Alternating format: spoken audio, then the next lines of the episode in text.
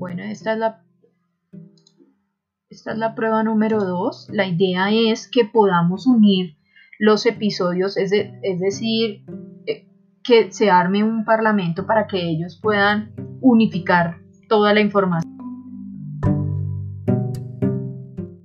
Bueno, esta es una pequeña prueba para poder determinar realmente qué es lo que está pasando con em, cómo era que se utilizaba porque ya se me olvidó. Bueno, esta es la, esta es la prueba número 2. La idea es que podamos unir los episodios, es, es decir, eh, que se arme un parlamento para que ellos puedan unificar toda la información.